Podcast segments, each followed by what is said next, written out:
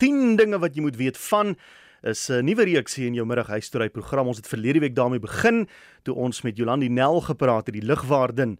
En uh, daardie gesprek is as 'n potgooi gelaai. As jy weer daarna wil gaan luister, is op rsg.co.za. Maar vanmiddag is dit 10 dinge wat jy moet weet van kriptogeld. Om daaroor te gesels, verwelkom ons vir Karel de Jager. Hy is die groepleier vir blokketting tegnologie by die WNR. Karel, welkom hier by RSG. Hallo my luisteraar. Nou kom ons begin by die begin. Wat is punt 1? Wat moet ons weet van uh, kriptogeld? OK, wel daar is slegs 21 miljoen Bitcoins. So uh, en dit kan nie vermeerder nie. Die Bitcoin stelsel is so ontwerp om actually 'n goudmyn te simuleer.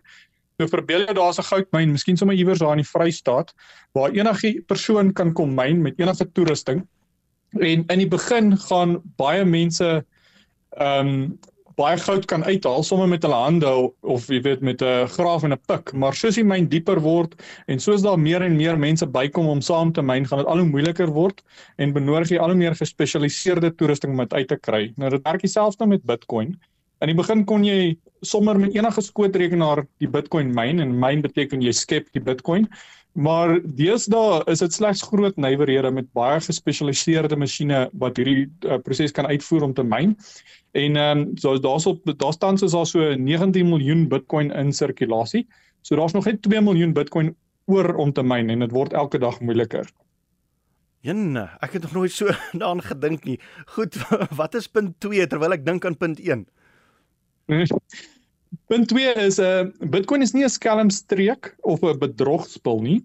Net soos wat die internet nie 'n skelmstreek of 'n bedrogspel is nie, maar net soos die internet is dit 'n platform wat mense kan gebruik om revolusionêre toepassings op te bou wat die wêreld regtig 'n beter plek kan maak of dan nou ook om ander mense te misbruik. So ek dink dit is elke persoon of elke belegger of elke ehm um, jy weet mens wat met die tegnologie interaksie het se verantwoordelikheid om homself eers genoegsaam op te lei voor jy jou regte hard verdiende geld gaan waag op hierdie tegnologie. Nou jy bly praat van Bitcoin wat ook deel is van kripto geld, maar ek verstaan daar is 'n klomp ander behalwe Bitcoin. Ek dink dit bring jou tot by jou derde punt. Dit is korrek ja, ons het net nou genoem dat daar slegs 21 miljoen Bitcoin kan wees, maar daar is nou al reeds meer as 2 miljoen ander kripto geld eenhede buite Bitcoin. Nou, dit neem slegs 3 minute om 'n nuwe een te skep. Ek het vanmiddag een geskep eintlik, ek het iemand gewys.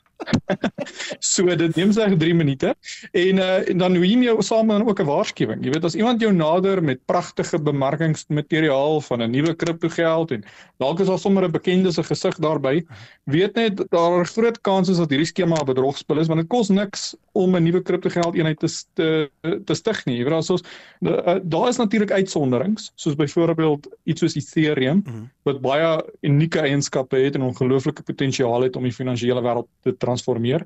Maar wees versigtig om sommer net te dink hierdie is nou die nuwe Bitcoin of hierdie is nou die nuwe groot ding. Nou weet ons wie het op 'n dag gaan sit en besluit hier is nou net 21 miljoen Bitcoins en daar's net 2 miljoen oor. Weet ons wie dit is? Die persoon wat dit geskep het se naam is Satoshi Nakamoto. Maar dit ons het geen idee wie die persoon is nie. Ehm um, die persoon het geen meer invloed op die stelsel nie. Inteendeel, Satoshi het in 2010 laas enige kommunikasie met die wêreld gehad. Ons wil ons weet wel dat Satoshi min of meer 'n miljoen Bitcoin het, want die blokketting is 100% deurskynend. So ons kan presies sien hoeveel Bitcoin wie het. En interessant genoeg, dit maak Satoshi Nakamoto die 30ste rykste persoon in die wêreld. Maar hy of sy het daardie Bitcoin nog nooit beweeg of verkoop nie. Dit is moontlik natuurlik dat Satoshi al intussen oorlede is, Maar daar's ook sekere mense wat glo nee, Satoshi was 'n robot wat uit die toekoms terug in tyd gereis het om vir ons Bitcoin te kom skep. maar hoe dit ook al sê, ons sal seker nooit weet nie. en om jou te bring by punt 5, daar's 'n interessante storie van 'n pizza. 'n Persoon met die naam Laszlo het in 2010 'n pizza gekoop vir 10000 Bitcoin. Is dit die? Nou op daai stadium was die 10000 en daai stadium was die 10000 Bitcoin omtrent 300 rand werd maar teen vandag se waarde is dit so wat 8 miljard rand werd. Goed, uh, ja, pizza het nogal duur geword die afgelope ruk. Uh, punt 6. Dit sê dit Bitcoin het geen eienaar, administrateur, maatskappy, hoofkantoor, telefoonnommer of bestuurders nie. Dit is heeltemal 'n gedesentraliseerde stelsel, net soos wat die internet ook nie 'n baas het nie.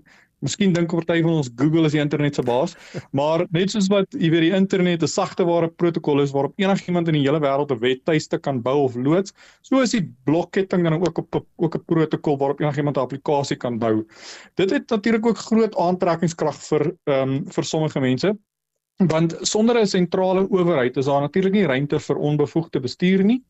So dit bied in 'n manier weerstand teen roekelose monetêre beleid van regerings en hiperinflasie soos ons byvoorbeeld in Zimbabwe ges, gesien het. So dit is 'n eintlik 'n hefboom teen ehm um, teen regerings.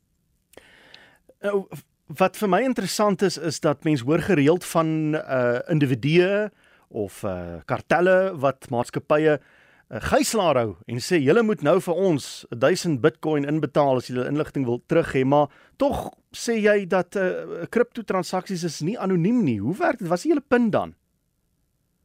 Ja, die eintlik dit is ook miskien iets wat almal nie altyd verstaan nie of miskien 'n wanopvatting, maar die die blokketting is 100% deurskynend. So daar's ons 'n spoor van elke liewe transaksie wat nog ooit gebeur het. Ehm um, en enigiemand in die wêreld word 'n uh, ondersoekende joernalis wat natuurlik die transaksies kan gaan volg en gaan kyk hoe dit vloei deur tyd. So ja, daar is ehm um, jy weet in daai opsig daar's al baie skelms baie ons wat uh, geldwassery en allerlei ander snaakse goed probeer het met Bitcoin en wat dan redelik vinnig gevang word. Dit hang natuurlik af van die bevoegdheid ook van die owerhede, maar veral in jou bevorderde lande soos Amerika, ek dink staan jy 'n groter kans om weg te kom as jy die dollar gebruik as wat jy Bitcoin gebruik.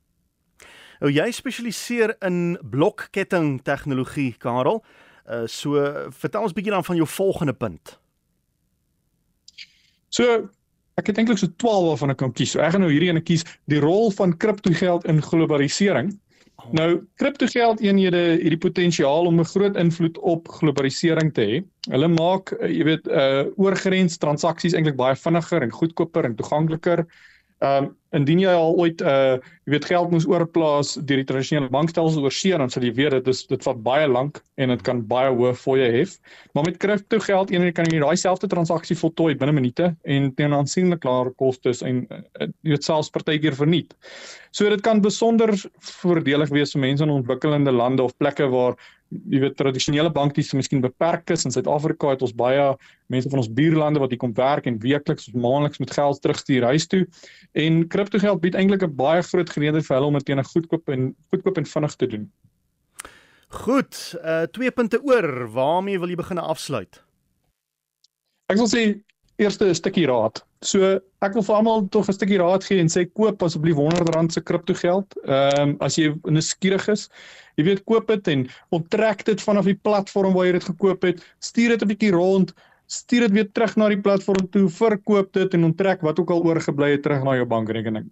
As jy 'n fout maak en jy verloor dit, dan sal dit die beste skoolgeld wees wat jy vir R100 kon kry, beter as enige kursus waarvoor jy sal betaal. En as jy nie 'n fout gemaak het nie en jy daai geld wel terug in jou rekening kan ek jou waarborg, gaan jy ook 'n klomp goed leer en ehm um, sommer baie gemakliker voel met hierdie tegnologie. As ek vinnig daar kan stil staan, jy sê nou R100, dis nou sodat die risiko nie te groot is uh, vir die persoon nie. Uh maar kan 'n mens dan miskien fokus op op 'n kleiner, minder bekende kripto geld om meer daarvan te bekom want 'n 100 rand se Bitcoin is dan verskriklik min. Ja, nee, dit is min, maar miskien is dit sommer nommer 10. Ehm jy hoef nie een hele Bitcoin te koop nie, jy hoef nie een hele Bitcoin te gebruik nie. Jy kan 'n fraksie van 'n Bitcoin of 'n fraksie van enige ander soort kriptogeld uh, eenheid ehm um, koop of gebruik of rondstuur. In inteendeel 'n een Bitcoin kan in 'n 100 miljoen gedeeltes opgedeel word. Soos wat 1 rand in 'n 100 sent opgedeel kan word, so so is die kleinste ehm um, dominasie van Bitcoin. Hulle noem dit 'n sat of 'n satoshi, genoem na die uh, ontwerper van Bitcoin. So kan jy baie klein hoeveelhede Bitcoin koop, verkoop, rondstuur en so aan. So moenie dink omdat 'n Bitcoin nou 800 000 rand kos, jy weet, dit is 'n nou, dis nou iets wat uh, wat nou buite jou vermoë is, miskien om 'n bietjie te eksperimenteer mee nie. Ehm um, daai Bitcoin kan in klein gedeeltetjies opgedeel word. Net so vinnig voor ek jou groet kon uh, of liewer uh, Karel as ek as ek jou 'n uh, uh, vraag kan vra Is dit belangrik vir ons, hier waar ons hier sit, om te begin eksperimenteer hiermee? Is dit waar jy in die toekoms beweeg of gaan ons piekfyn wees as ons by konvensionele maniere van bank bly? Ek sou julle hoogs aanbeveel uh, Willem jou en die luisteraars om uh, om asseblief eksperimente te doen met hierdie tegnologie en bietjie bekend te raak daarmee want die toekoms van kriptogeld lyk vreeslik belovend. Dit is wel dit is wel baie onvoorspelbaar. Ehm um, maar jy weet blokketting tegnologie hierdie potensiaal om in die maniere waarop mense finansiële transaksies en dienste bestuur heeltemal te verander en dit gaan lei tot 'n baie meer gedesentraliseerde, doeltreffende en deursigtige finansiële stelsel. Ehm um, en jy weet dit kan selfs kriptogeld kriptogeld kan tradisionele geld aanvul of selfs vervang in sekere gevalle en ons baie mense wat glo dat dit wel die geval sal wees. Ehm um, en dit is natuurlik soos ek gesê het, 'n hefboom belegging teen onstabiele geldeenhede of swak bankinfrastruktuur en dit en dit eintlik jy weet het ook groot potensiaal om ander industrieë buite just die finansiële stelsel uh te transformeer. Uh, ek dink byvoorbeeld goeder soos om te stem deur slim kontrakte of die of identiteit of um om bates groot bates soos huise en en voertuie te administreer en in die um in die supply chain um jy weet daarso is groot uh, gebruike vir blokketting tegnologie. So ek dink dit het dit het definitief die potensiaal om ons lewens net soveel of selfs ek wil dit waag om te sê selfs meer te verander as wat die internet ons lewens verander het. So hoe vroeër 'n mens bekend raak met hierdie tegnologie hoe beter. Ek het baie lekker met jou gesels Karel. Uh dankie vir die interessante inligting wat jy vir ons gegee het. Baie insiggewend en sterkte vir julle daar by die WNR. Baie dankie Willem, lekker middag. Dit was Karel die Jager, groepleier vir blokketting tegnologie en dis by die WNR.